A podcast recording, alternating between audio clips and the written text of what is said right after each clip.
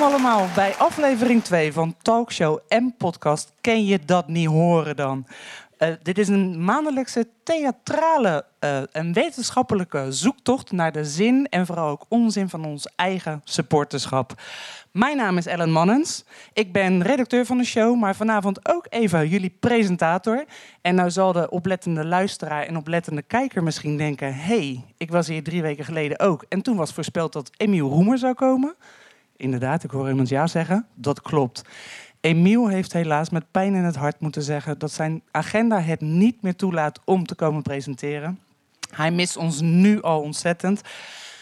We laten Emiel gewoon lekker in Limburg om daar de boel mooier te maken. En ondertussen wil ik met jullie vanavond weer verder gaan met onze zoektocht naar ons eigen supporterschap. Dus fijn dat jullie er allemaal wel zijn. Wij gaan vanavond gewoon lekker knallen. Het is maandag 3 oktober 2022 en wij gaan aan de slag met het thema van vandaag. Doe je dat thuis ook? Ofwel, waarom gedragen wij ons in het stadion anders dan we ons thuis gedragen? En om dat, uh, dat onderwerp te introduceren, ik hoor al wat uh, herkenning in de zaal. Om dit onderwerp te introduceren hebben wij altijd bij onze show onze eigen Feyenoord-archivaris, Paul Groenendijk.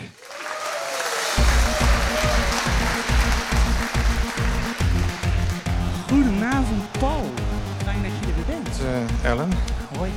Paul, ja. Ik zat even te denken. Wij hebben het um, in deze show altijd over supporters, hoe supporters zich gedragen. Maar ik vond het wel leuk om nu eens even te kijken um, hoe die andere mensen in het stadion zich gedragen, namelijk de spelers. Zit er bij hun ook een verschil in hoe ze zich thuis gedragen en in de kuip? Nou, dat is natuurlijk een interessante kwestie voor een wetenschapper als oh ja. ik ben, professor Feyenoord. Ik miste al. Ik heb me daar de afgelopen drie weken uh, opgestort. Drie weken, ja. We hebben hier weinig tijd ja, Ja, ik had het erg druk. En ik heb alle beschikbare vakliteratuur doorgenomen... waarin ik een heel aantal interessante casussen ben tegengekomen. Nou, ik zie een imposante verschijning van een uh, Feyenoord-biografie op het scherm verschijnen... die je natuurlijk allemaal hebt doorgeworsteld. Ja. De eerste, IJzeren Rinus, Rinus Israël even opscheppen. Ik heb hem geïnterviewd en ik vond het een schatje. Wat een lieve man is dat. Het is een uh, ontzettend interessant geval uh, in dit kader. Geweldige speler, alles gewonnen, international, voetballer van het jaar. En uh, samen met Theo Lazaroms natuurlijk een, een onpasseerbaar centraal verdedigingsduo. Zeker. Zelf zei hij daarover... Theo gaf ze een tikje waardoor zo'n doorbrekende spits horizontaal in de lucht kwam te liggen. En daarna nam ik ze op de slof. Oké, okay, inkoppertje. Theo was dus ook niet zo'n schatje. Ja, Theo had natuurlijk de reputatie van dat het een, een vuile speler was... maar eigenlijk was Rinus Israël dat. Wim Jansen zei over hem... In feite heb je twee verschillende Israëls. Een Israël op het veld en een Israël naast het veld. Als Rinus over die witte lijn het veld opstapte, veranderde hij totaal. Dan werd het echt een andere persoon. Er moest dan ten koste van alles gewonnen worden. Maar dat vinden wij toch niet heel raar. Een beetje hard spelen hoort toch wel bij Feyenoord?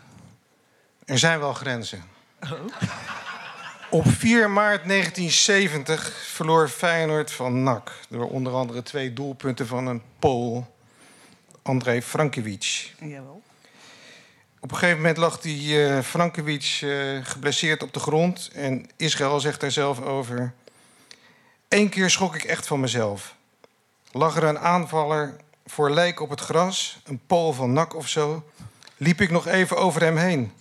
De noppen moeten in zijn rug hebben gestaan. Studio Sport draaide het s'avonds een paar keer af. Werd ik niet vrolijk van. Tegelijkertijd verandert zo'n confrontatie met je eigen geweld je nauwelijks. Het irriteert. Je weet er geen weg mee. Dus hij heeft zijn leven niet gebeterd? Nee. nee. Oké. Okay. Ehm, even een andere speler. Laten we zomaar even iemand noemen. Willem van Hanegem. Hard in het veld. Ook een schatje daarbuiten, klopt dat? Ontzettend aardige man. Ja? Als er jongetjes aanbelden bij hem uh, voor een handtekening... en die klaagden dan dat ze zo weinig geld hadden, gaf hij ze 100 gulden om voetbalschoenen te gaan ah. kopen. Op zijn vrije dag reed hij naar Stadskanaal om een sportwinkel te openen in ruil voor twee consumptiebonnen. schitterende kerel. Veel te aardig. Maar in het veld was hij natuurlijk keihard. Uh, legendarisch waren zijn gevechten met uh, Johan Neeskens. In 1971 bezorgde hij Neeskens een gebroken neus. Na afloop zei Willem in de tunnel dat hij nogal waggelde en daarom met zijn armen zwaaide. Neeskens vond het schitterend. Het waren vijanden in het veld, maar goede vrienden erbuiten. En ook in het uh, Nederlands elftal. Oké, okay, dus ze konden het hebben van elkaar. Ja. Maar nu stel je voor dat dat elftal van de Europa Cup, van de Wereldcup... dat het echt gewoon tuig bij elkaar was. Klopt dat? Mm, het valt wel mee als je het vergelijkt met de Zuid-Amerikaanse spelers. Onder andere van Estudiantes, waar Feyenoord tegen speelde voor de Wereldcup. Estudiantes is Spaans voor studenten. Het elftal bestond voor een deel uit tandartsen en andere gestudeerde mensen. Keurige mensen. Keurige mensen, maar grotere schoften dan zij hebben nooit op de voetbalvelden rondgelopen. Helaas. Een van die spelers was uh, Carlos Bilardo, de latere bondscoach. Hij was naast profvoetballer ook nog huisarts. En Van Hanegem zei over hem... Volgens mij is, hij in elke wedstrijd vooral op zoek naar nieuwe patiënten. en ja, de meest gruwelijke wedstrijd ooit was Estudiantes tegen AC Milan. En na afloop lag Nestor Coben, Coben er zo bij. We moeten hem even voor de podcastluisteraar beschrijven, wat we nu zien. Ja, we zien een, een speler eh, met een mooi wit shirt waarop het bloed goed uitkomt. Ja, het is nog erger. Uh, het was een Argentijn die bij Milan speelde en hij is na afloop van de wedstrijd gearresteerd. Ja. In de cel geworpen, zo, omdat hij de dienstplicht zou hebben ontlopen. Oké. Okay. Zo kan het dus ook lopen. Ja. Um, we hebben het nu wel over nou, een halve eeuw geleden zo'n beetje. Als we een sprongetje in de tijd maken en we pakken eventjes... Um, uh, nou, iemand die we allemaal kennen, John de Wolf. Ja. Zag ik ook bij de boeken liggen. Ja. Wat kunnen we daar nog over vertellen? Ja, ook uh, een, een, sociaal vriendelijk, uh, aardige man. Ambassadeur van het Sophia Kinderziekenhuis. Goede vriend van Louis van Gaal. Die steunde toen zijn eerste vrouw was overleden. In zijn biografie lezen we... Waar ter wereld ik ook ben, ik bel altijd twee keer per dag naar huis. Oh. S'morgens en s'avonds. Schattig, hè? Het is echt een schatje. maar ik wil niet lullig doen. Ik ben zo'n 90s kid. Ik ben opgegroeid met John de Wolf als voetballer. En ik kan me vooral een hele harde speler herinneren. Ja, maar dan lees ik wat hij zelf zegt. Ik heb zelf nog nooit iemand moedwillig een doodschop gegeven. ik ben geen beest. Maar om je tegenstander te verslaan is alles geoorloofd. Vrijwel alles. Oké, okay. en wat verstaat John dan onder vrijwel alles? Uh, zegt hij zelf, spugen en ballen knijpen is niet gemeen. Je kunt daarna gewoon doorspelen. Ja. Nou, dat klopt, ja. En de Wolf en Vrezen die begonnen meestal al uh, met hun praktijken in de spelerstunnel. En daar zegt hij zelf over... Ik heb me altijd graag bemoeid met de oorlogen die anderen op het veld moeten uitvechten. Maar de laatste jaren heb ik er een sport van gemaakt om mijn tegenstander te vernederen. Als ik de bal niet kan koppen, dan hij zeker niet. Natuurlijk word ik wel eens dolgedraaid. Maar met slechts twee camera's rond het veld wordt dat niet altijd vastgelegd voor het nageslacht. Nou ja, we spreken van de tijd voor de VAR.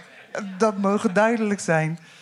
Um, ik uh, bedank je, Paul, voor uh, dit kijkje in het verleden. En uh, ik stel voor dat wij weer teruggaan naar onze tijd. Oké. Okay. Dank je wel, Paul.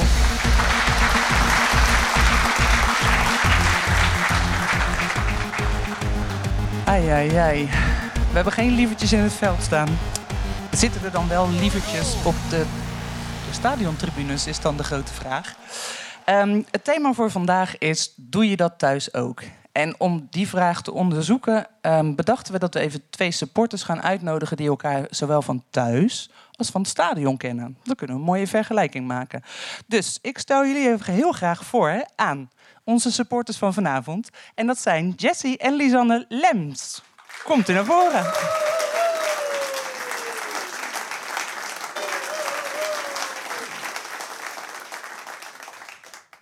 Welkom, welkom. Ja, dankjewel. Dankjewel. gezelligheid. Goedenavond. Goedenavond. Wat fijn dat jullie vanavond konden zijn. Ik moet even zeggen, jouw vader is vandaag jarig, Jesse. Ja, dat klopt. Frans Lems. Dus bij deze gefeliciteerd met je vader. Ja, dankjewel. En bedankt dat je kon komen. en we moeten er ook even bij vermelden dat Lisanne vindt het altijd heerlijk om in het stadion te zitten. Maar voor zo'n publiek, hoe, nu je er eenmaal zit, hoe bevalt het? Vreselijk. Dus eh meelij, heb medelijden met deze dappere Feyenoorder. Hey, even een introductie. Ehm, allebei Feyenoorders, mogen duidelijk zijn. Jullie zitten hier allebei in shirt. Ehm Jesse, hoe is het bij jou begonnen, de liefde? Eh, nou, dat was, eh, dat was als eh, kind of aan al. Ik was eh, eh, vier jaar. En eh, mijn vader ging altijd met, samen met mijn broer naar de Kuip. Zo kwam de keukendeur de Bons ook mee. En eh, natuurlijk wel een keer naar een open dag geweest en weet ik het allemaal. Ja. En eh, toen zei mijn moeder tegen mijn vader, joh, neem hem nou maar een keertje mee. Nou, uiteindelijk zo is dat een beetje gegroeid. Eerst een paar losse wedstrijden, uiteindelijk een seizoenskaart. En sindsdien heb ik altijd een seizoenskaart gehad. Niet meer weg te denken uit Niet meer weg te denken, dat is, even kijken, eh, 19 jaar geleden. Ja, ja, ja, Hoe oud ben je? 23. Het is wat, hé. Zou ik niet zeggen. Wow. En nou ja, naast je zit Lisanne. Hoe, hoe kwam jij in de Kuip terecht? Nou eh, ja, ik ging wel vaker ook wel eens naar de Kuip. Maar eh, ik ben er eigenlijk een beetje verder ingerold door hem. En eh, ja, maar- sindsdien ga ik altijd mee. Jessie zijn schuld. Kijk, we hebben jullie uitgenodigd omdat jullie elkaar zowel thuis als in het stadion kennen. Lisanne, we zijn nu bij jou. Zou jij eens willen omschrijven hoe Jessie erbij zit als hij in het stadion zit? Zo- zich is hij wel rustig Ja. dan thuis dan. Maar ja, daar heeft hij natuurlijk meer mensen om zich heen... waar hij eh, zich aan vast kan klompen. dus ja, maar het ligt eraan ook wel hoe spannend de wedstrijd is, hoor. ja. Want het ligt aan mensen om hem heen. Hoe bepaalt dat zijn eh, gedrag? Nou ja, zijn vader is net zo erg. Erger, erger. En, en, en hoe, hoe beschrijven we net zo erg? Hoe ziet dat eruit in het stadion? Nou, als ze scoren, dan ligt iedereen beneden. Oké. En Dus eh, ik zit altijd liever erachter. Oh, je hebt een veilige plek gevonden? Ja, lekker tussen andere mensen, wel juichen. Maar ik kijk altijd wel van, oké, trekt hij me niet mee? Of eh, anders lig ik daar ook. En dan heb jij een gebroken enkel, pols enzovoort Ja, zoiets. goal. Nou, dat is een fijn vooruitzicht. Ja. Dus ehm, eh, dan even de vergelijking. Als jullie thuis zijn, gebeurt er dan ook zoiets? Word je dan ook meegetrokken door hem eh, drie rijen naar beneden? Of, eh, Mm, nee, dan eh, hoop ik alleen dat de tafel niet doormidden gaat. Oké. En dat is tijdens een wedstrijd, mag ik hopen, ja, hè? tijdens de wedstrijd. Precies. En in het dagelijks leven, hoe zou je Jessie dan beschrijven? Ja, is hij wel kalmer en kan hij ook wel goed dingen oplossen en goed nadenken. maar nee, niet zo uit de plaats als met Feyenoord. En goed nadenken, kan die niet in het stadion? Nee, nee, niet echt nee. Sorry, sorry hoor, sorry, ik moest het vragen. Nee, dat maakt niet uit. Hoe uitzicht dat dan als hij niet goed nadenkt in het stadion? Mm, Ja, nou ja, dat is. eh, je ziet wel een, eh, hoe, hoe zijn hoofd gaat. Ja, ik zie dat altijd. Want ik ken hem natuurlijk langer dan vandaag. Ja. Iemand die hem niet kent, die ziet dat niet. Maar ja, je ziet wel. eh, ja, nog geen vraagtekens boven over. Maar eh, Wolkjes, donderwolkjes, ja, zoiets. Ja. enzovoort, doodhoofden. ja, zo. Nou, nou heb je netjes als leidend voorwerp gezeten. De vraag aan jou. Jessie, hoe gedraagt Lisanne zich in het stadion ten opzichte van thuis of op het werk? Nou, allereerst, eh, thuis is Lies altijd heel erg rustig. Heel lief, en heel stil. Ah. En je ziet toch wel eh, in een kuip naarmate de wedstrijd spannender wordt. En eh, net niet allemaal mee zit met Feyenoord gelijkspel. Moeizame vlot, eh, slot, slotfase. Dat ze toch wel eh, hier en daar wat uitvloegen. denk ik, oeh, Lisa, dan ben ik niet gewend voor jou. ja, ja, ja, ja, ja, ja, zeker.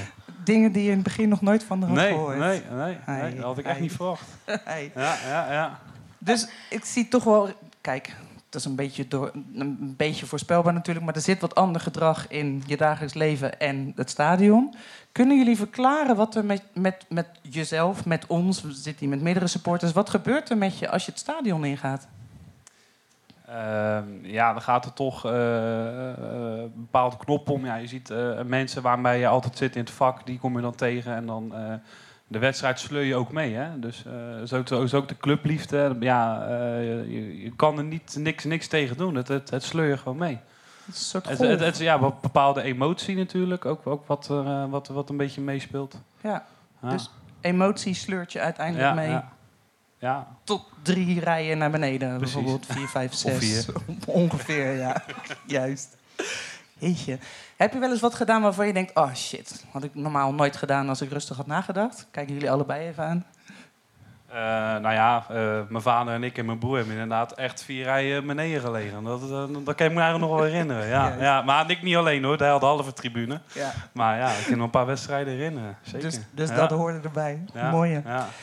Top. Ehm, we hebben een beetje een beeld nu kunnen schetsen van wat er in het hoofd van de supporter gebeurt. Ehm, ik zal nog even verklappen, er is nog één reden dat we jullie hebben uitgenodigd namelijk. Ehm, wie is jouw moeder, eh Jessie? En dat is eh Gerda Lems. En Ja. dan zien we al voor de mensen hier achter op het beeld zien we er al verschijnen. Ehm, Gerda Lems kan ik alvast aankondigen. Die heeft ook altijd eh, de bekkie wel bij zich als het gaat over Feyenoord en Feyenoordzaken. Dus bij deze kunnen wij alvast voorspellen dat ze vanaf de volgende show in november ook weer aanwezig is om haar lekkere Rotterdamse kritiek op de club weer lekker met ons te delen. Zodat wij nog dichter bij onze oplossing komen van wat bezielt ons nou als supporters. Mag ik jullie heel erg bedanken voor jullie komst. En eh fijn het kampioenschap eh, wensen. En, Ja, komt goed. en een, eh, nog een groot applaus voor deze twee fijne supporters. Nee, dankjewel. Dankjewel.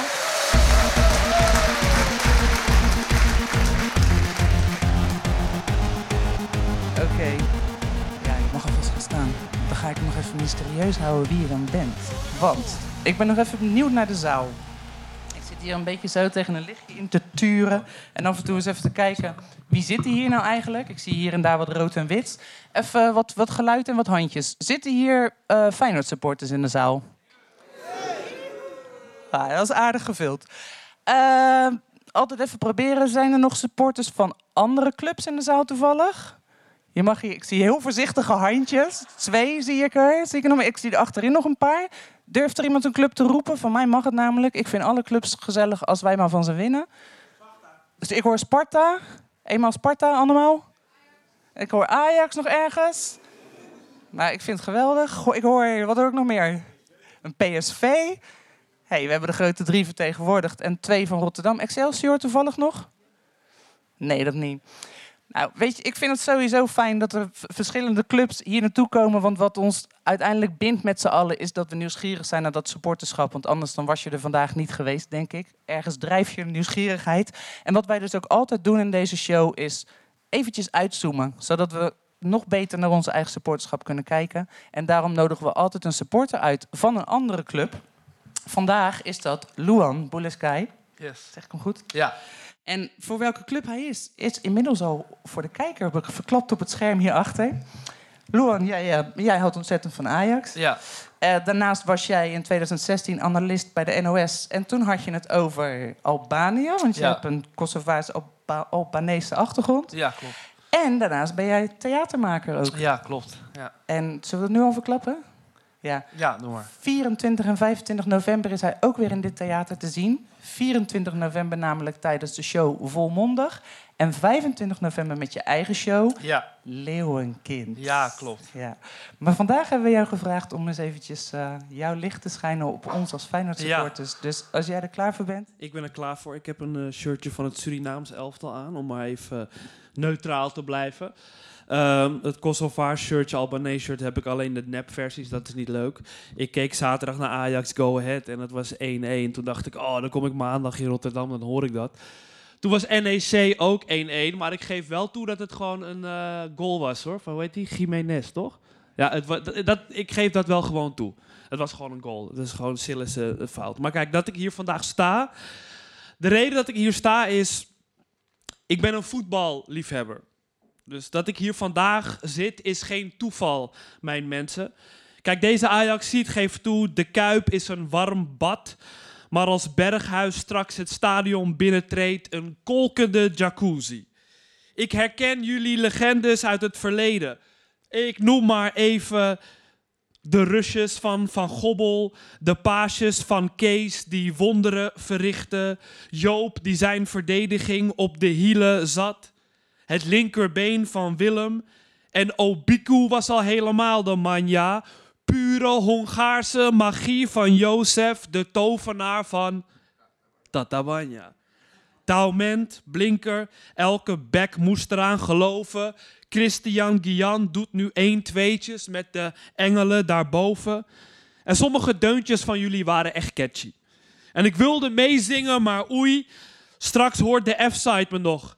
Say oe, a, et de groei, say oe, a, et de groei. Ik heb helaas geen beeld meer van Feyenoord-fans in de arena. En ik twijfel of ik dat ooit nog meemaak. En dat is eigenlijk mega zuur. Want nu besef, nu besef ik me hoe mooi dat wel niet was. Zonder Rotterdam, Kaastad of Hamas, Joda aan het gas. Kijk, voor mij is mijn clubpie, net als bij jullie, waar alle warmte begint. Mijn eerste zomerkind. Liever overwinteren in de Champions League dan Oranje dat het WK wint. Dat hele Nederlands elftal kan me gestolen worden. Wat kan mij nou weer schelen? Is wat wij doen bij het WK als wij in de eredivisie maar de eerste plaats gaan pakken. Ik was trouwens in 2010 voor Uruguay omdat ze Suarez hadden. Wat ik vond van die finale, wel jammer. Maar na die goal van Iniesta rolde er geen enkele traan op mijn wangen. Real Barça, Inter AC, Spurs Arsenal, Benfica Sporting. Geen eentje is unieker dan de echte klassieker. Vermeer, Danilo, Charisteas, Scholte, Kruif, Goré. Het sentiment leeft alleen eigenlijk bij de aanhang. En de haat blijft intens. Op FR-fans of op Ajax Showtime is het ook lijp. Fora vol met haat en nijd. En het dreunt door in de maatschappij. Maar maak deze vredesstrijd alsjeblieft verleden tijd, want wij willen nooit meer een slag bij Beverwijk. En natuurlijk kan het in jullie ogen niemand het beter doen dan het legioen. Maar laten we een keer samenkomen. Hand in hand, kameraden, dappere strijders, Vier en Koen. I will survive door de speakers of op een slof en een oude voetbalschoen. Kom, wij tonen samen voor de verandering een keer fatsoen. En aan het einde van het seizoen gaat, wordt Ajax kampioen. Dank je.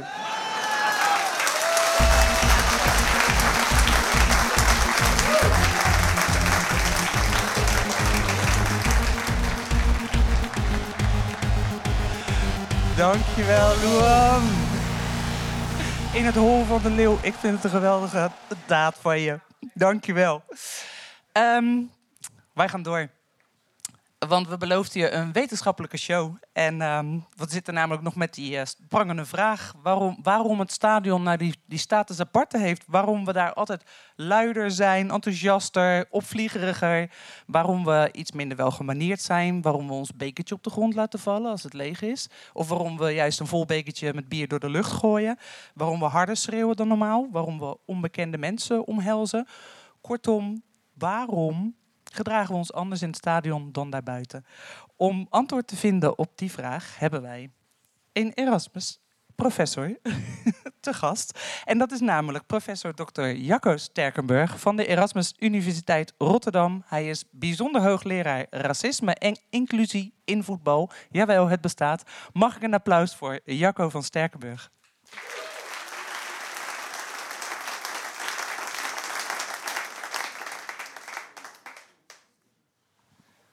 Kijken waar we het lekkerste zitten. Is goed zo. Hè? Het is niet de kuip. Nee, het is niet de kuip, dat klopt. zo zit het wel goed. Jacco, welkom. Ja, dankjewel. Fijn dat je er kon komen, kon komen vandaag, want we hebben natuurlijk een beetje wetenschappelijke kennis nodig. En uh, jij doet onderzoek naar voetbalsupporters. En sterker nog, dat doe je dus namens de Erasmus Universiteit, maar ook samen met Feyenoord, hè? Ja. Ik begreep dat dat een redelijk unieke samenwerking is. Klopt dat? Ja, een aantal jaar geleden is uh, tussen Erasmus Universiteit en, uh, en Feyenoord een samenwerkingsverband uh, opgezet. Nog, dat willen je allemaal horen. Een vijfjarig ja, samenwerking. Dus soms gaan studenten van ons naar Feyenoord om onderzoek te doen. wij doen zelf ook onderzoek samen met Feyenoord. Dus Jasmin, mijn collega die ook nog later komt, doet ook onderzoek samen met Feyenoord. Dus ja, wij doen, wij doen steeds meer met Feyenoord. En dat is best uniek.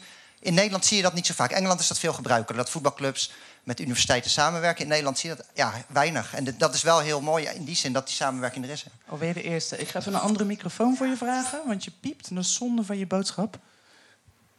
Dus ik kijk eventjes, er komt al een nieuwe aan vanuit de coulissen. Kijk, wij hebben wel harde stemmen natuurlijk met z'n allen. Alsjeblieft. Ja, dan beter? Of, Ja, dan eh, moet je even een liedje zingen eerst. Ja, Ja, ja. Dan weten we zeker of hij het goed doet. Aan de eh, vanavond misschien. Oh, kijk, nou, we houden je eraan. Ehm, eh, nou ja, terugkomend, we zijn dus redelijk uniek met de samenwerking met universiteit en club. Sowieso heel erg mooi. Ehm, jij zegt, eh, tenminste, ik stelde je net voor als hoogleraar racisme en inclusie in voetbal. Even kort, wat, wat moeten we ons daarbij voorstellen? Wat onderzoek je? Ik onderzoek dus racisme in voetbalstadions. En ik onderzoek ook in huiskamers, waar we het net ook over hadden. Dus Jessie en Lisanne hadden het ook over hoe je in huiskamers kijkt. Ja.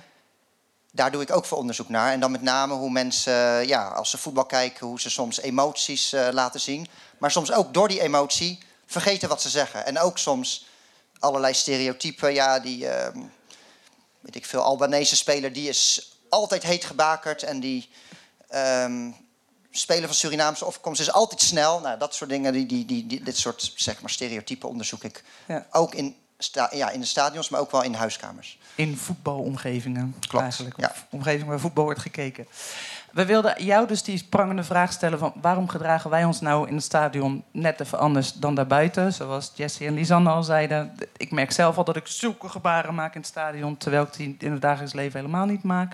Wat gebeurt er met ons? Wat, wat, waarom, waarom gedragen we ons zo anders in het stadion?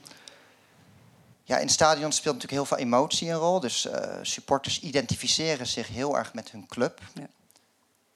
En ehm, wat ook net gezegd werd, je wordt meegetrokken ook door zo'n wedstrijd, door de sfeer. Kijk, ik denk dat er ook als je thuis kijkt, als je supporter bent en je kijkt thuis met vrienden, is ook die emotie er. Dus alleen, en, en dan is dat ook niet zo heel anders dan in het stadion per se. Maar in het stadion is natuurlijk nog meer die sfeer. Eh, het wordt ook een beetje ja, van tevoren hè, door de muziek. Zelf, zelf ook als supporter ook in het stadion eh, af en toe. Je wordt daar ook in meegezogen. Ja. En, en, en eh, ja, ik denk soms ook wel, als van tevoren dan ga je naar het stadion, dan denk je, nou ja, ik ben een nuchter, nuchtere wetenschapper. Als die bal in het doel zit, dan word ik heus niet helemaal gek van vreugde. Maar dat gebeurt soms dus wel. Wat dat dan doet met je, dat weet ik ook nog steeds niet precies. Nee. Maar dat gebeurt. En dat is toch de emotie die, ehm, nou ja, die dan de overhand neemt. En het feit dat je met anderen bent die dat ook hebben. Dus het is ook die gezamenlijke ervaring. Het wordt versterkt. Ja, en, en ook omdat je vaak eh, eh, opgroeit met een club. Dus eh, vaak als je jong bent al, word je meegenomen door je familie. Het heeft ook, daar heeft het mee te maken. En met de plek. eh, eh, veel mensen die bijvoorbeeld naar Feyenoord gaan, hebben ook iets met de stad Rotterdam. Dus je ziet het ook echt als jouw huis, jouw plek. En daar zitten sterke emoties bij. Ook al ben je dat niet altijd bewust, maar op het moment dat dan die wedstrijd begint en als er dan de doelpunt valt, dan merk je het vaak pas. Hoe sterk die emoties zijn. Ja, of niet meer. Dan merk ik het achteraf pas als ik denk, wat, wat heb ik nou weer gedaan? Ja, of achteraf soms pas. Dat zou ook nog kunnen, ja. Maar het zit hem ook in kleine dingen. Ehm, ik noemde hem net al, ik laat mijn bekertje op de grond vallen... terwijl thuis gooi ik hem in de prullenbak. Eh, dat soort kleine grenzen ga je over. Wat, wat, wat, waarom doe ik dat? Waarom gedraag ik me ineens veel minder eh, aangepast en netjes? Ja, nou ja, op zich is dat wel opvallend. Want eigenlijk zou je kunnen zeggen... de Kuip is voor veel Feyenoord supporters ook hun tweede thuis. En, maar thuis doe je dat dus niet. Je glas zomaar op de grond laten vallen. Daar doe je het eh, sneller. Ja, ik denk dat eh, binnen voetbalstadions op een gegeven moment ook bepaald gedrag normaal is geworden. En dat wordt ook wel gekopieerd. Eh, en, en ja, daar hoort onder andere dat gedrag ook bij. En dat is dan nog onschuldig, maar ook andere gedragingen ehm, horen daar soms bij. Ja, waar je ook soms vanaf wilt als club, maar ik denk ook als supporter zijn er soms vanaf wilt. En, en die zijn wel normaal geworden langzamerhand soms binnen de club. En dat, ja, dat gaat eh, iedereen dan op een gegeven moment ook meedoen als groep. Aan wat voor gedrag moeten we denken? Nou ja, je liedjes, eh, ja, eh, wie niet springt is een Jood eh, bijvoorbeeld. Ik, ja, Ja. ik spring als ik bij Feyenoord eh, in het stadion zit. Ik ben hier opgegroeid, in, eh, dus ik, ik, ik kom ook in het stadion. eh, kwam, en, maar daar doe ik bijvoorbeeld niet aan mee zelf. En, en, maar de meeste, wat ik om me heen zie wel. Ja, ik denk dat heel veel supporters daar ook niet zoveel, eh, die doen gewoon mee zonder na te denken. Maar ja, dat, maar goed, daar kan Jasmin meer over vertellen, mijn collega straks. Maar dat is bijvoorbeeld gedrag waar, waar, ja, waar ook dat een rol speelt. En waar men automatisch dan in meegaat. Eh, dus ja, dat, Dus we vinden met z'n allen iets normaal, dus doen we het. Ja, er wordt wel langzamerhand wordt wel bepaald gedrag genormaliseerd. Wat we niet in ons eentje zouden doen als we voor de tv zouden zitten, maar wel in een groep. Ja. Ja. Nou ben ik even benieuwd, want je zegt net zelf, ik spring niet mee bij een liedje als Wie niet springt is een Jood. Terwijl iemand anders die vindt het zelfs nog normaal om een fakkel over het veld te gooien. Waarom hebben we allemaal een andere grens? Hoe wordt dat bepaald? Ja, wat je ziet binnen de supporters, dat die er natuurlijk in heel veel verschillende vormen ook zijn. Dus, dus eh, het verhaal waarmee mensen naar een stadion gaan, is heel anders. Dus sommige mensen gaan naar het stadion om echt hun club aan te moedigen en hopen dat ze winnen.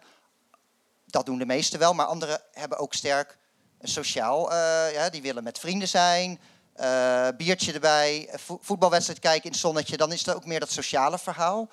Andere mensen weer, die komen veel meer ook vanuit een verhaal van ehm, nou ja, laten zien eh, dat je ehm, wat je allemaal wel niet kan eh, met geweld ook en zo. Hè, dat hoort er soms dus ook bij. Eh, dat is meer een verhaal van kijk eens waar wij staan in die hiërarchie en wat wij niet, wel niet allemaal durven. En dat is weer een ander verhaal. Dus je hebt en dat verhaal komt in de media eh, eh, soms naar voren juist. Hè. Dat is op zich een eenzijdig beeld. Want er zijn heel veel verhalen. En eh, nou ja, dat, dat gezamenlijk maakt Feyenoord, al die verhalen. Die verschillende verhalen, ja. Maar dit is wel interessant, want ehm, we zeggen net, je, je, ehm, je gaat het over steeds meer grenzen, gaan we normaal vinden. Wanneer moeten we dan een keer zeggen, stop, nu vinden we het niet meer normaal? En hoe bepalen we wanneer we het niet meer normaal vinden als we ook zoveel verschillende overtuigingen hebben binnen de club? Ja, kijk, dat is hoe, hoe je eh, eh, samen bepaalt wat wel en niet kan. Dat zegt het ook eigenlijk al, hoe, hoe ik het verwoord. Dat moet je uiteindelijk samen doen. Kijk, wat, wat, eh, ehm, kijk, er zijn bepaalde grenzen waar de club op zal toezien. En dan heb je het echt over, laat ik zeggen, racisme, antisemitisme of vandalisme.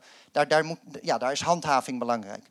Maar wat daarnaast eh, eh, ehm, eh, zo is natuurlijk, kijk, die supporters, die, de supporter ziet het wel als tweede huis. Die komt ook elke week of om de week.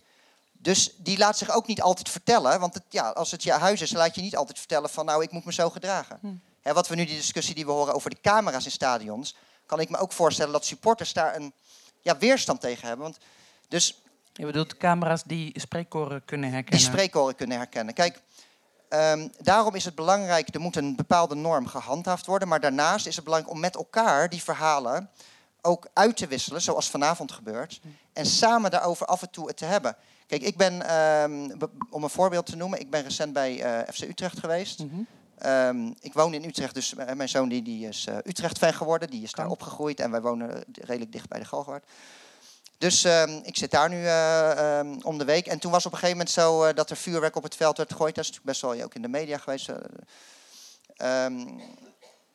en, en toen werd vanuit het vak waar ik zat, ook wel vanuit de supporters, naar degene die het vuurwerk gooide, ook ge- geroepen en gezongen. Maar echt best wel fel ook. Van laat je club maar in de steek. Dus dat verhaal van de supporters die om mij heen zaten, dat was een heel ander verhaal dan degene die vuurwerk gooide. En zij wilden ook niet dat dat. Ze waren bang, die wedstrijd wordt weer gestaakt.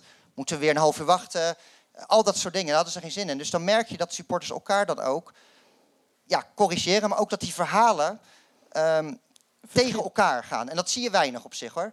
En het is ook niet zo makkelijk om zomaar naar iemand toe te gaan natuurlijk en dat te zeggen. Want ja, je hebt ook geen zin in een gevecht op dat moment. Nee. Maar dit was natuurlijk veilig vanuit het vak waar ik zat. Kon, kon dat vrij veilig eh, gedaan worden naar die andere supporters toe. En binnen jouw vak ha- had dus iedereen hetzelfde verhaal, dezelfde achtergrond waarschijnlijk. Ook, ja, ook daar zal wel verschil in zitten, maar je hebt gelijk. Kijk, ik denk wel dat daar het verhaal wel dusdanig was dat ze zeiden: hey, dit moeten we niet willen. En, en ook stonden ook echt op en, en gingen naar hun toe ook, eh, nou ja, dat dus roepen en zingen. Ja. Dus ergens moeten we proberen om dus als supporters met elkaar te gaan kijken hoe ver willen we, kunnen we gaan en wat vinden we nog acceptabel. Uiteindelijk wel. Ik denk dat het alleen op die manier structureel is. Als je van bovenaf regels oplegt, natuurlijk moet dat in bepaalde situaties, die moeten er, dat moet er ook zijn. Ja. Want je wil normen, bepaalde normen wil je gewoon handhaven, maar langdurig eh, moet je er toch samen, denk ik, uitkomen als supporters. Ja. Ja. Met bijna het gevaar, want emoties zijn zo interessant. Die, die maken het voetbal juist zo leuk. Is ook zo. Kijk, emoties. Kijk, mensen gaan naar het stadion ook voor ontspanning. En om hun emoties te laten zien. En ik denk ook dat het een hele mooie manier is eh, om in het stadion. Het stadion is in die zin een heel mooie plek. Ja. Want mensen laten daar die emoties zien. En dat kan ook in een bepaalde vorm. Dus dat, is ook, dat moet je ook nooit vergeten. Die kant is er ook van voetbal. Maar die andere kant is er ook. En daar, ja, daar, nou, daarom is het ook goed dat dat ook nu bijvoorbeeld aan de orde komt. Ja. Dus emoties, mooi. Is het stiekem ook dat we daarom naar het stadion gaan, inderdaad? Jawel, zeker. Ik denk, eh, eh, kijk, andere mensen gaan naar een, eh, een concert, maar heel veel mensen, zeker als je opgroeit met, met een club, die gaan naar het stadion toe, juist vanwege die emoties. Dus Ja. dat kan je ook niet, dat hoort bij, dat hoort bij het voetbal uiteindelijk. Ja. Dus dat is ook een, heeft een hele mooie kant. Ja. Maar ja, de andere kant, daar moet, je, ja, daar moet je het wel over hebben. Zo dan. Conclusie van ons gesprek. Emoties zijn mooi, maken het voetbal mooi. Maar uiteindelijk mogen we het nog steeds met elkaar erover hebben wat we acceptabel vinden binnen het voetbal. En waardoor het leuk blijft voor iedereen. Geloof Zeker. ik. Top.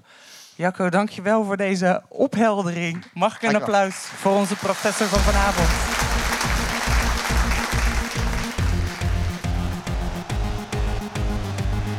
En dan is het nu tijd voor muziek. Paul had het net al eventjes, eh, Paul Groenendijk, onze archivaris, had het al eventjes over de boefjes op het veld die zich niet altijd even netjes gedragen. Ik les even door terwijl het eh, podium hier wordt omgebouwd voor eh, onze band van vanavond. Ehm, een van die spelers die weet hoe vervelend de tegenpartij zich kan gedragen is Joop van Dalen. En Joop die was de man die in 1970 ehm, de 1-0 scoorde tegen Estudiantes in de finale van de Wereldcup. En daardoor won Feyenoord ook als eerste Nederlandse club die Wereldcup. Ehm, maar nadat Joop had gescoord, waren die eh, artsen en hoogopgeleiden van Estudiantes nogal pist. En die renden achter hem aan. En wat kenmerkte eh, Joop? Joop droeg een brilletje. En dat brilletje, dat werd daar vrolijk in tweeën ge- gebroken. Kijk, het kon ons niks meer schelen, want die cup die was toch al van ons. Ehm, maar voor Joop was het misschien een iets minder ervaring. Ehm, uiteindelijk is het brilletje als bewijs is beland natuurlijk in het Feyenoord Museum. Dat is er nog steeds. En we hebben nog een andere herinnering. Dat is namelijk het liedje dat Luc Lutz in de jaren 70 hierover heeft gezongen. En daarom hebben wij vanavond de zoon van Luc uitgenodigd. En dat is Joris. Goedenavond, Joris. Hallo. Moet ook mijn brilletje hebben tegenwoordig. Kijk, laten we hopen dat hij naar je optreden ook nog heel is. Joris, wil je ons eh, alsjeblieft nog één keer laten horen van het brilletje van Van Dalen? Want elkaars brilletjes slopen, dat doe je thuis toch ook niet? Gezellig. Ruben, Dick en Tim begeleiden dit fantastische lied.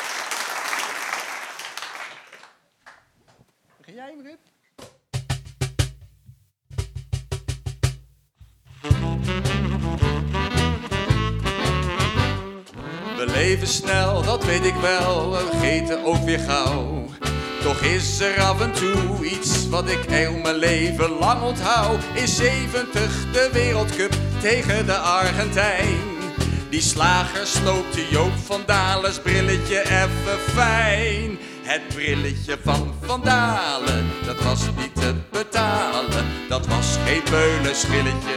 Er kwam ineens dat brilletje, dat brilletje van Van Dalen. Die joeg hem tussen de palen. Die fijne schuiver in de hoek komt in het gouden boek. Ik heb het live gezien, Estudiantes Feyenoord.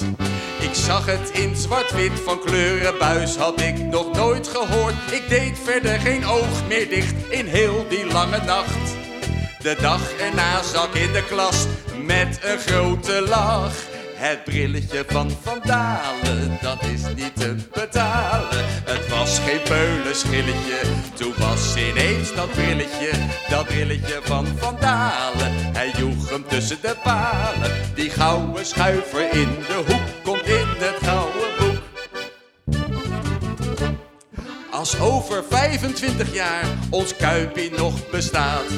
En als ik met mijn kleinzootje dan naar het Kuipmuseum ga, vertel ik over Koen of Robin wat hij horen wil.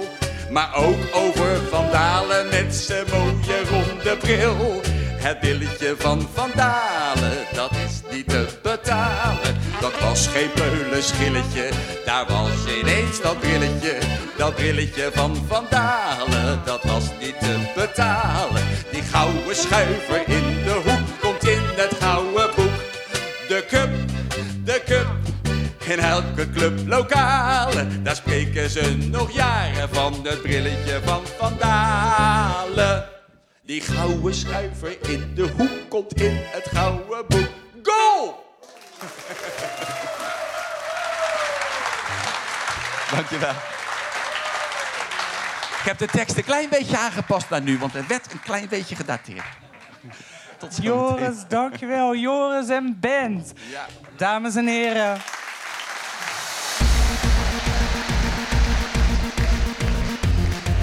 Wij gaan nog eventjes verder onze tanden zetten in het onderwerp van vandaag. En dat is, doe je dat thuis ook? Waarom gedragen we ons in het stadion toch anders dan thuis? En eh, dan is er altijd wel één onderwerp wat altijd weer ter sprake komt. En dat zijn onze spreekkoren. Ehm, als we onze eigen spreekkoren als Feyenoord supporters mogen geloven, dan mogen Joden aan het gas, dan vinden we de Hamas geweldig en dan moeten we springen, want anders zijn we een Jood. Dat doen we waarschijnlijk niet omdat we per se dat verhaal van de Tweede Wereldoorlog zo leuk vonden, maar omdat wij onze grote aardsrivaal Ajax willen dissen. Maar de grote vraag is, ehm, het zingen wat wij doen, is dat inderdaad alleen maar om die tegenpartij te dissen of zijn we echt een beetje antisemitisch bezig? Die vraag die wil ik graag bespreken met de tweede ehm, wetenschapper die wij in de zaal aanwezig hebben als gast. En dat is namelijk Jasmin Seibel. Seibel, zeg ik het weer verkeerd hè? Jasmin Seibel. Welkom. Ik zit al de hele tijd te stoeien met de klemtoon van je achternaam hè? Ja, dat geeft niks. Oei. Welkom. Ik zet mijn stoer van naar achter, want anders ligt het water straks overal.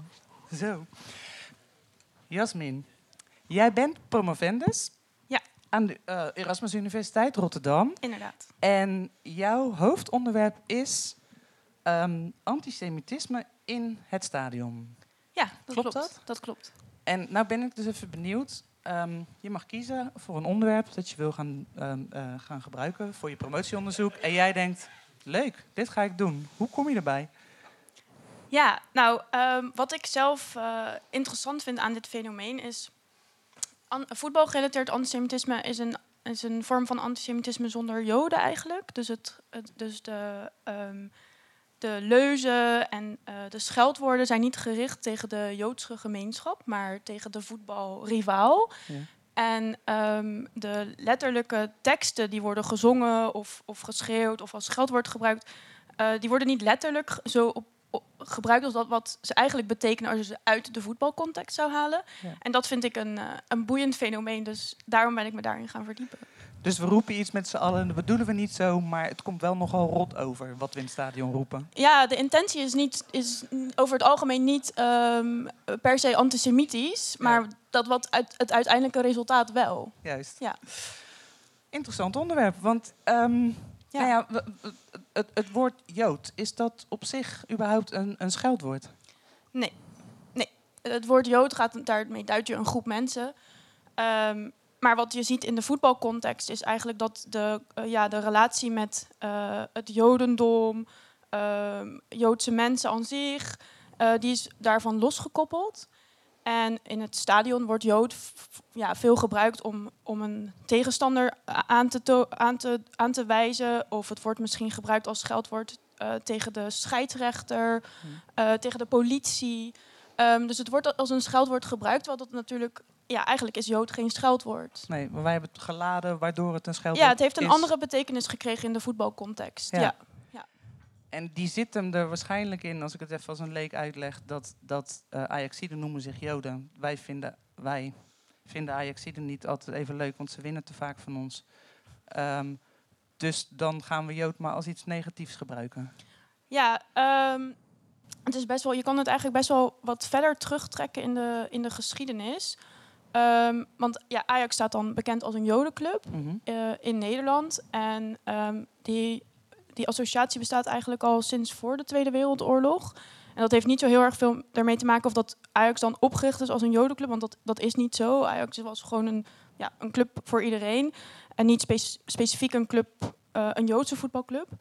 Ehm, maar wat er wel, eh, het stadion van Ajax was op dat moment op in het oosten eh, van de stad. En daardoor moesten supporters die uit andere delen van het land kwamen, die, ehm, ja, die, die kwamen door de Jodenbuurt. Waardoor er snel een link werd gelegd tussen eh, we gaan naar de Joden, we gaan naar Ajax. En daar is eigenlijk die associatie een beetje ontstaan. En dat is door de, ja, nou ja, we, we kennen het.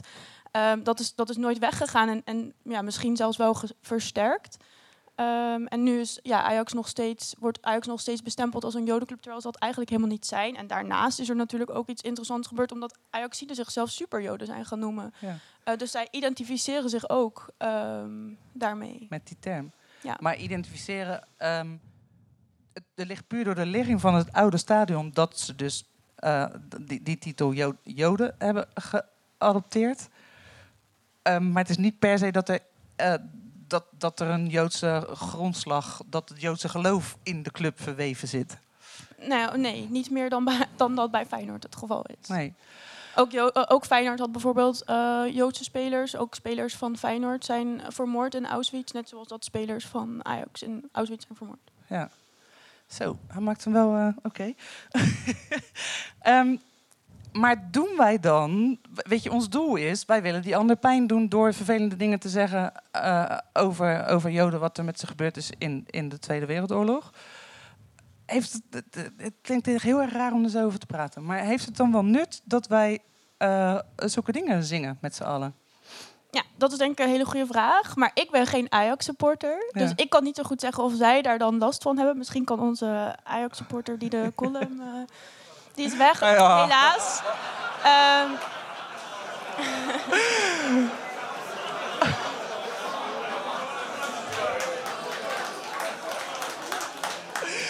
Deze, kijk, dit is, dit is dus al een heel mooi voorbeeld.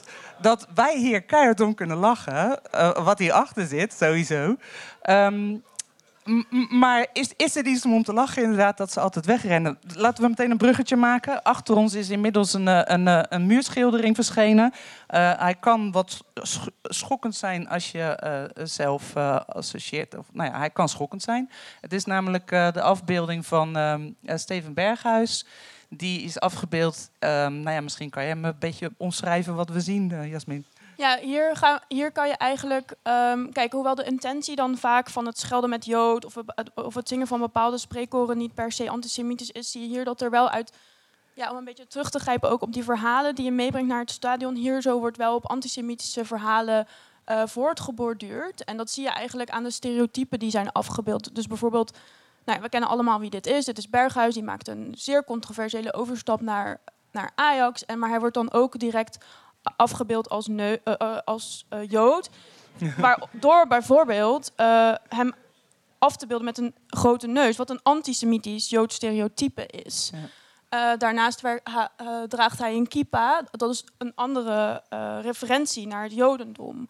En hij is ook nog eh, eh, ge- afgebeeld in een gestreepte outfit die je zeer doet denken aan de Holocaust. En daarnaast ook nog de eh, Jodenster.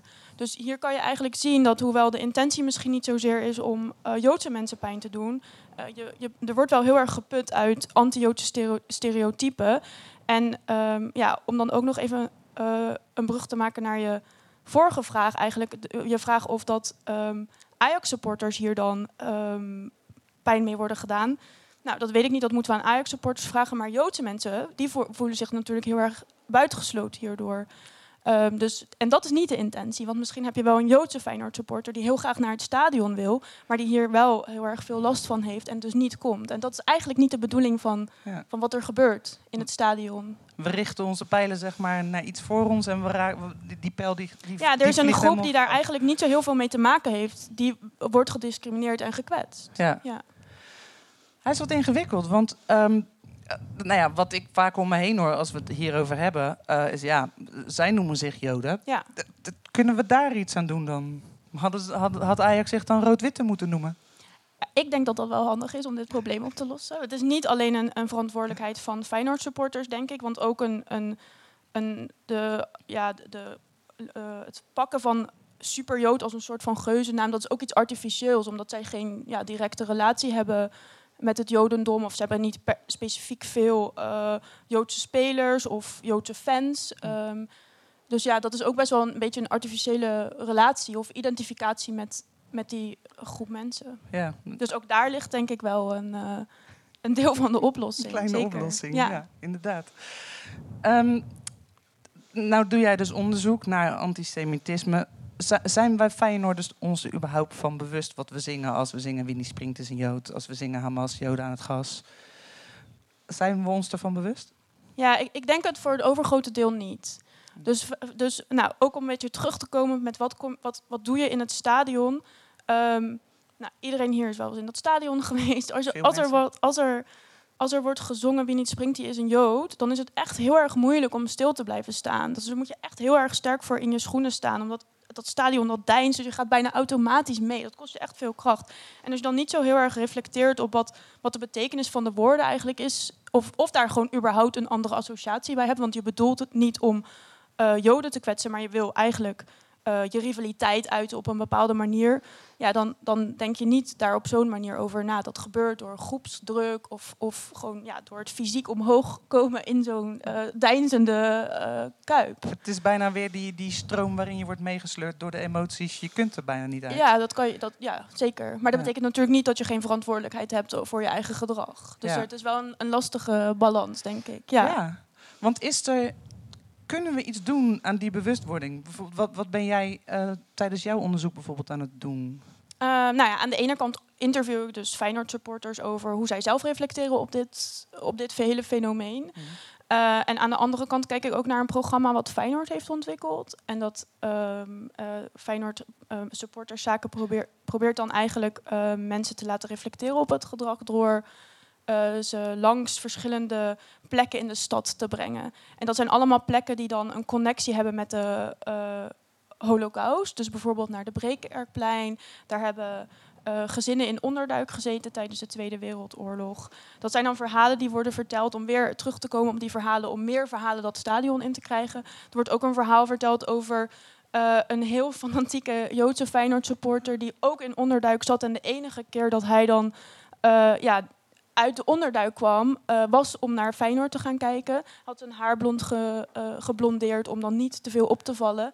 Eh, dus dat zijn dan verhalen die worden verteld om, om toch ook op die identiteit, die Rotterdamse identiteit, ehm, om daaruit te putten en zo dan toch, ja, hopelijk mensen te laten nadenken over wat ze eigenlijk zeggen. Ja. Dus dit, dit is een project. En, en wie worden er meegenomen in dit project? Wie gaan daarmee op pad? Ehm, ja, supporters dus. En eh, dat zijn vaak supporters met een stadionverbod. En dat hoeft niet per se voor antisemitisme of racisme te zijn. Het kan ook voor, voor andere ja, kleine Vergrijpen. vergrijpen zijn. inderdaad. Ja. Nou, is die wel. Nou ben ik heel erg benieuwd. Ik hoor ook wel gemompel in de zaal hierover. Ga- gaat dit werken? Mm, ja, dat vind ik ook een lastige vraag, omdat het niet... eh, kijk, dit, dit gedrag is best wel genormaliseerd binnen voetbal. Dus, dus ja, eh, bijna iedereen...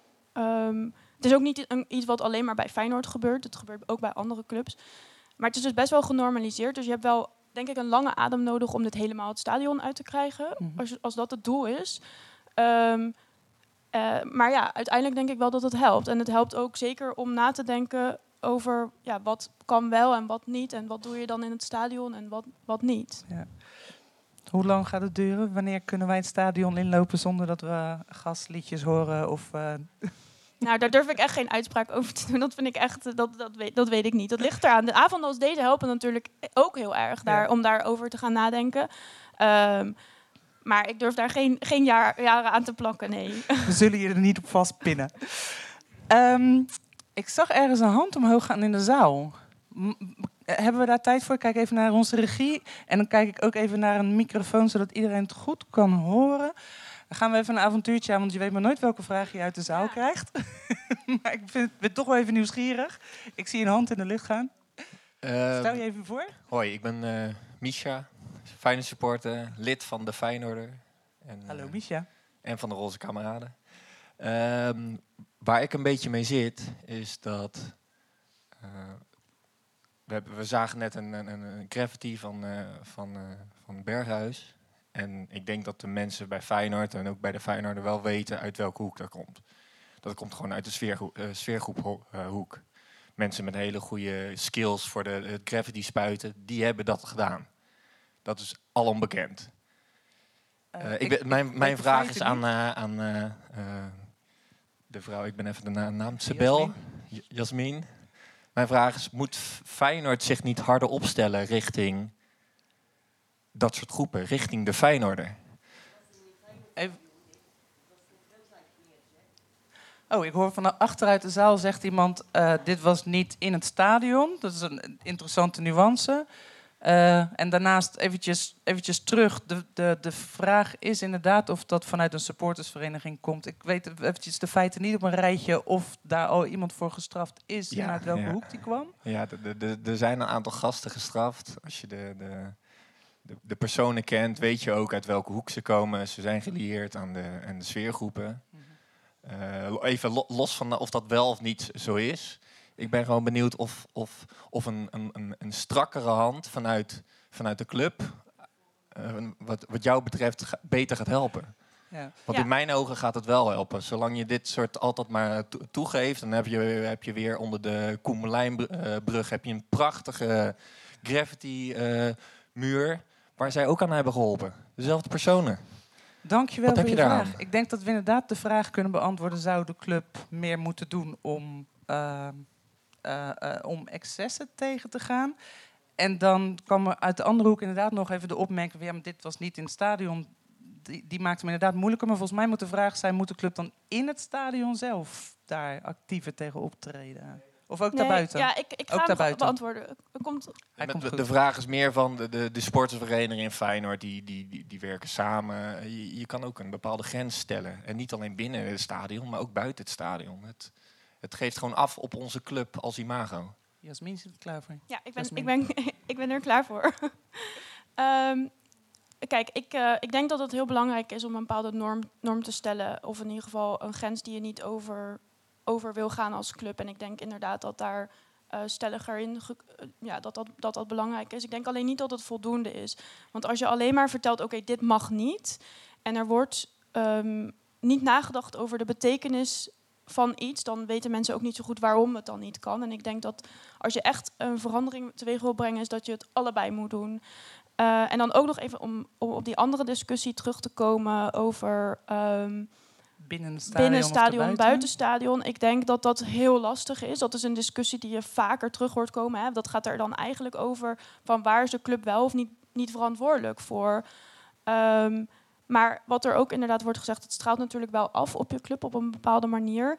En het stadion is ook niet een geïsoleerde omgeving. Dus die, dat, dat stadion dat staat in verbinding met de bredere samenleving. En deze, als we het dan houden over antisemitische stereotypen, eh, die vind je dus terug in het stadion, buiten het stadion, maar dat beïnvloedt elkaar ook. Dus ik denk dat een club ook een maatschappelijke verantwoording heeft.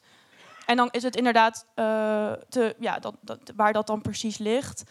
Eh, want je kan het bijvoorbeeld ook hebben over online voetbal gerelateerd haat. Ja, kan de club daar iets aan doen? Dat weet ik niet. Maar dit soort programma's en bewustwording helpt daar in uiteindelijk ook tegen. Ja, dus ehm, de termen zo eerder voorbij gekomen. Je hebt, je hebt stadion en je hebt, eh, wat ik jullie wetenschappers zou zeggen, voetbalgerelateerde omgevingen. Ja, zoals cafés, maar ook op een wedstrijddag is dat bijvoorbeeld ook al de tram. Ja. En daar is inderdaad eh ja, Feyenoord niet de handhaver, maar dat is wel ook een plek die dan ineens een voetbalplek is geworden. En waar we dus hetzelfde gedrag laten ja, zien met z'n allen. inderdaad. Ja, wat je misschien ook wel thuis weer... eh, Ja. Ja. Ik, ehm, ja, precies. Ik hoorde achterin ook nog één.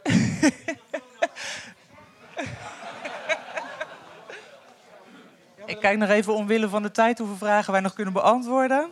En we gaan gewoon nog even door. Nee, ik bedoel gewoon te zeggen, de club die wordt overal al voor verantwoordelijk gesteld. Er worden boetes gegeven, mensen die op trappen zitten, moeten ze van de trap afslaan of het stadion. Sommigen mogen het stadion niet in. Die zitten elke week in het stadion, dat weet iedereen. Weet je, en Feyenoord wordt daar continu voor, die krijgt er continu problemen door. Ja. Weet je, en het blijft maar doorgaan. Het is heel vervelend.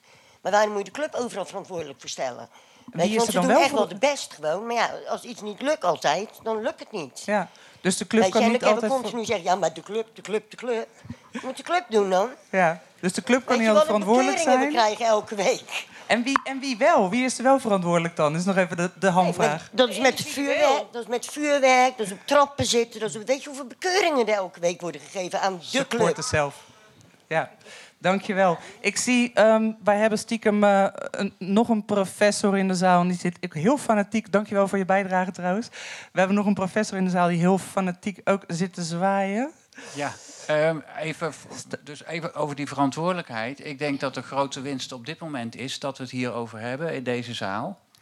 Het tweede is dat Feyenoord eh, sinds een jaar of tien of zo nu echt zegt, eh, als het over antisemitisme gaat, wij hebben nu een programma. Ze zeggen niet meer, het is een kleine groep supporters, uh, zijn eigenlijk geen echte supporters, we willen er niks mee te maken hebben. Dus ik deel wel de, met de vorige vraagspeler, dus er is nog een hoop te doen en misschien ook in handhaving. Maar het feit dat clubs, en het is niet alleen Feyenoord, maar ook nu Utrecht en AZ en een paar andere Ajax bijvoorbeeld doet niet mee in dit programma. Is heel interessant. Maar dat er een aantal clubs zijn in Nederland die nu wel verantwoordelijkheid nemen. Vergeleken met 15 jaar geleden is dat winst. Hoe lang dat nog duurt, dat uh, weten wij allebei niet, uh, onze promovenda. En, uh, en ja, we zijn historici en geen profeten, zeg ik dan altijd maar. Um, maar het is wel een, een, ja, een grote verandering en belangrijk, denk ik. Zo. Ik hoorde een slotvraag, waarom doet Ajax niet mee? Die, die, die nemen we even mee. Um, gezien de tijd stel ik voor dat we straks bij een biertje nog even heel uitgebreid hierover gaan praten. Want ik ben heel blij dat iedereen zijn bek lekker open trekt hierover en over nadenkt. Dus dank je wel sowieso daarvoor. Um, ik kan meteen ook melden dat we 7 november hebben de volgende show. En daar hebben we het inderdaad ook over uh, handhaven, grenzen stellen. Moeten we de fluwelen handschoen doen of moeten we de harde, harde aanpak doen? Is het actie-reactie? Um, dus houd ook de show van 7 november in de gaten hiervoor. Jasmin, moeten we hier nog iets aan toevoegen aan dit gesprek? Nee, nee, ik denk het niet. Ik, uh, ja, dankjewel voor de uitnodiging. Ik vond het heel leuk om hier te zijn. Super. We zijn ook heel blij dat jij er was om dit onderwerp te duiden. Dankjewel, Jasmin Servel.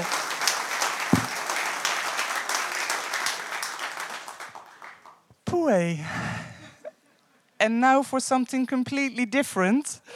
Wij hebben altijd een geweldige Feyenoord-historicus in de house. Uh, de man die al op de conducteur was op de trein... die alle supporters in 1970 naar Milaan reed... die daar gingen kijken hoe Feyenoord de Europa Cup mee naar huis nam.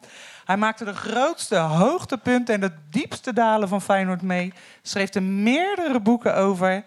En gelukkig is hij ook onze vaste columnist in de show. Mag ik een applaus voor Jan Oudenaarde.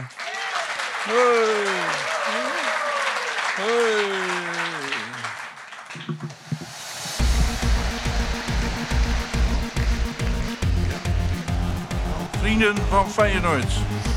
Bij mij in de buurt werd onlangs een combinatie van een braderie en een rommelmarkt georganiseerd. Tussen de mattenvlechter en de ketellapper in stond een kraam met tweedehands boeken. En daar zou ik een boekje liggen met de titel Dat zijn nou typisch Feyenoorders. Omdat ik mezelf ook een typische Feyenoord vind, om niet te zeggen een heel typische Feyenoorder, pakte ik het op. Ik bladerde door en stuitte op een hoofdstukje over Feyenoord humor. Dat viel me behoorlijk tegen. Zo las ik dat de 1,94 meter lange centrumspits John van Loen na een vrij ongelukkige periode bij Feyenoord in 1995 naar Japan was verhuisd, omdat hij ook wel eens een kopduel wilde winnen. Ik kon er nauwelijks om lachen. Mario Been kwam een keer in zijn goede goed naar het stadion, want hij moest meteen na de wedstrijd door naar een voetbalgala.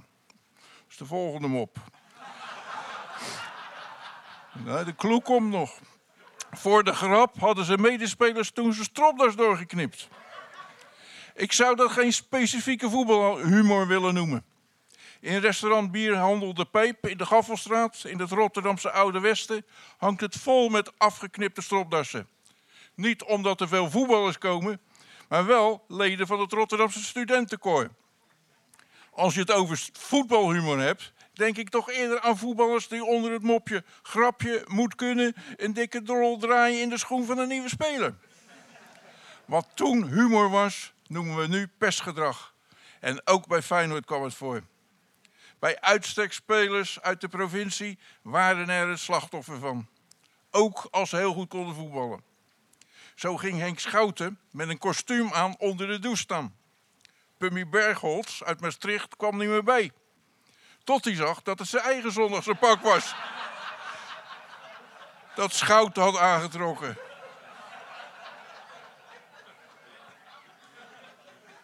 Pauke Meijers uit Nijmegen werd wijsgemaakt dat nieuwe spelers hun vrouw of verloofde één dag moesten afstaan aan hun medespelers. Hij geloofde het en stond huilend bij voorzitter Kibo op de stoep. Ik bladerde uit nieuwsgierigheid verder in het boekje en las... Een Feyenoorder ben je niet voor je plezier. Ik heb het meteen teruggelegen. In een boek zonder humor en met een negatieve insteek had ik geen zin. Er schijnt ook een boekje te bestaan met de titel... Feyenoorder ben je niet voor je lol. Van ene Stefan van Erp. Hij heeft meer boeken geschreven over andere onderwerpen. En ik weet niet hoe die hebben gelopen, maar dat boekje over Feyenoord lijkt me geen, karak, geen kaskraker. Een Feyenoorder ben je niet voor je plezier, is een uitspraak van Gerard Cox. En slaat niet op de spelers, maar op de supporters. Deze uitspraak van het Orakel van Zuid wordt wel vaker geciteerd. Maar het is natuurlijk de grootst mogelijke onzin. Hoewel Cox zijn artistieke loopbaan begon als cabaretier, staat hij niet echt bekend als een lachenbekkie. Zijn grootste hit begon niet voor niets met de woorden: Het is weer voorbij.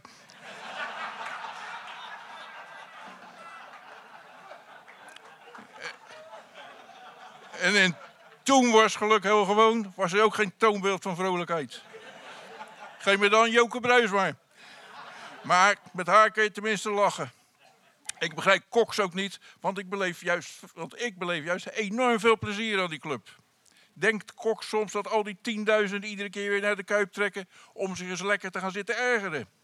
Dat het allemaal masochisten zijn? Hij misschien, maar de rest van het legioen zeker niet. Dat er wel eens wordt verloren of gelijk gespeeld vindt niemand leuk. Maar de lol is ook dat het een week later weer andersom kan zijn. Donderdag tegen Midden-Jutland staan ze weer gewoon. Feyenoord kan bogen op een indrukwekkende staat van dienst en is in zijn bestaan van ruim 100 jaar nog nooit gedegradeerd. Dat kunnen Ajax en PSV Feyenoord niet nazeggen. Die degradeerden respectievelijk in 1914 en 1925.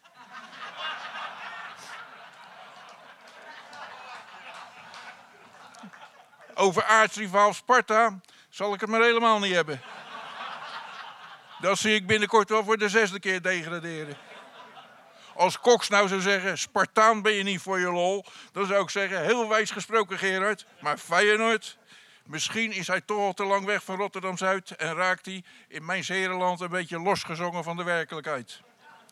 Als zoon en kleinzoon van een Feyenoord supporter kom ik al heel mijn leven in de Kuip. Dat er in die jaren ook teleurstellingen waren, valt niet te ontkennen. Maar die hoorden erbij. Die houden het spannend. Zo blijft er altijd iets om naar uit te kijken. Dat geldt niet alleen voor het voetbal, maar voor het hele leven.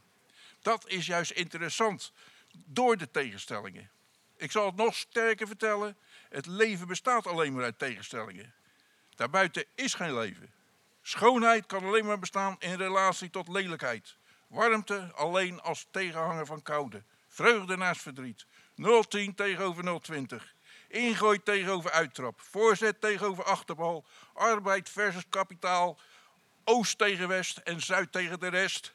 Het winst hoort, bij winst hoort verlies. En waar er met twee huilen, moet er één huilen. En zo kan ik nog wel even doorgaan. Ik heb maar vijf minuten. Tom Anders, als de zwerver Doris, begreep dat beter dan Gerard Cox. Een bekend Feyenoordlied van Doris kent niet voor niets de strofe met een waarheid als een koe. Het zit wel eens mee, zingt hij. Maar ook, het zit wel eens tegen. Dat verduidelijkt hij dan met een voorbeeld, zodat we weten waar hij het over heeft. Niet altijd zon, ook wel eens regen. En zo is het maar net. Om daarna glorieus uit te halen met... En wie heeft er weer een kool gescoord? Feyenoord, Feyenoord. Ik dank u.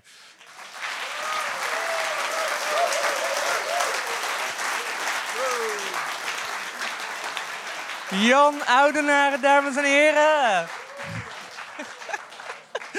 Dankjewel. En terwijl achter mij weer het podium wordt verbouwd, wat natuurlijk betekent dat er muziek aankomt, ga ik jullie nog even uh, voor de theaterbezoekers even een mededeling doen. Um, wij nemen deze show op als podcast. En komende vrijdag is de podcast dus terug te luisteren. Om nog eventjes uh, te checken waar we het nou allemaal over gehad hebben. Om, en om te delen met al je vrienden. Um, maar voor de mensen die de podcast luisteren, die missen iets. Want jullie krijgen strakjes na dit laatste optreden van Joris Lutz en zijn geweldige band nog een toetje. Dus blijf strakjes nog heel eventjes zitten, want uh, jullie zijn straks aan zet. Dat is belangrijk. En ondertussen, terwijl eh, de boel wordt opgebouwd, dacht ik... eh, Joris, we deden het net maar heel kort, maar je hebt een geweldige band bij je, weet ik. En we hebben ze maar een beetje kort voorgesteld. Dus zou je alsjeblieft nog even willen vertellen wie erbij is? Ja, eh, Ruben Bolsius, eh, van, oh, die kent u vast uit de band Convoy Exceptioneel. Ja, net als Dick Ronteltap op de saxofoon.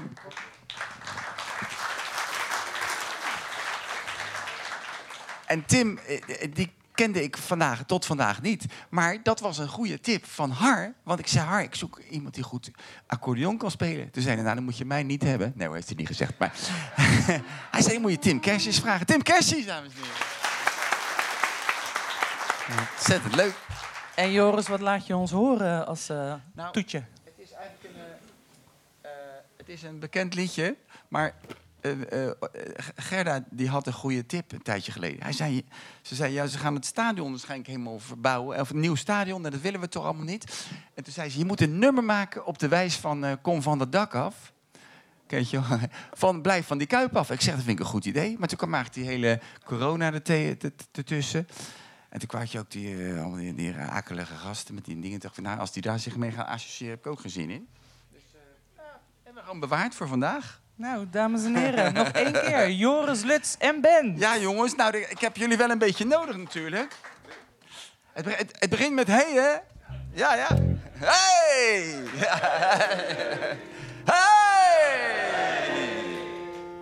Moet ik even kijken welke toon ze. Blijf van die kuipen. Waarschuw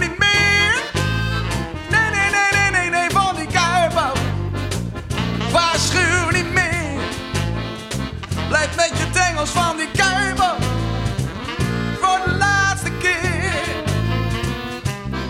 Wij zijn die club van Zuid, de mooiste club van het land. We zijn in het Kuip niet meer uit. Dat is niet zomaar een band. Ons hele leven ligt hier in dat machtige woord.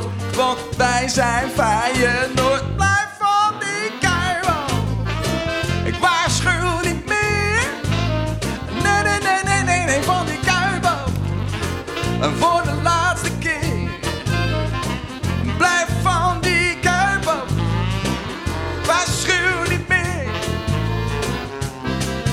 bijna honderd jaar, die kuip is heilige grond. Gewoon verbouwen die kuip en hij is zo weer gezond. Zijn nieuwe plan kost 500 miljoen. Zakkenvullers kampioen, blijf van die kuip af. Waarschuw niet meer.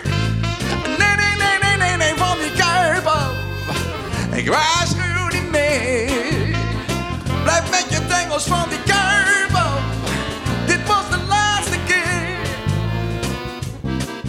Man United en City, Barcelona, Madrid. Ben jij een club voor je fans? Blijf dan gewoon waar je zit. Je kan niet winnen van geld, maar dat zit hier wel goed. Als jij je stinkende best maar doet, blijf van die af. Waarschuw niet meer. Nee, nee, nee, nee, nee, nee, van die. Ik waarschuw niet meer. Blijf met je tengels van die af. Het is de laatste keer.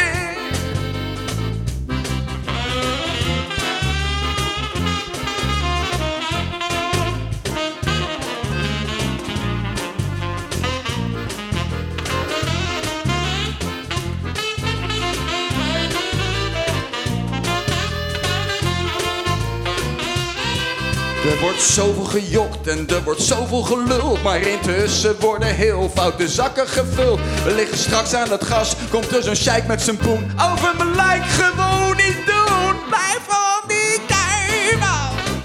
Waarschuw niet meer. Nee, nee, nee, nee, nee, van die kuip af. Ik waarschuw niet meer. Blijf met je tengels van die kuip af. Dit is de Blijf van die kuip af. Blijf van die kuip af. Blijf van die kuip af. Blijf van die kuip af. Blijf van die kuip af. Dit is de laatste keer. Dames en heren, u was de gast bij Talkshow en Podcast. Ken je dat niet horen dan? Wij gaan afsluiten voor vandaag. 7 november zijn we terug. Bestel die kaarten, ze gaan hard. Blijf van die kuip af. Blijf van die kuip af. Blijf van die kuip af. Blijf van die kuip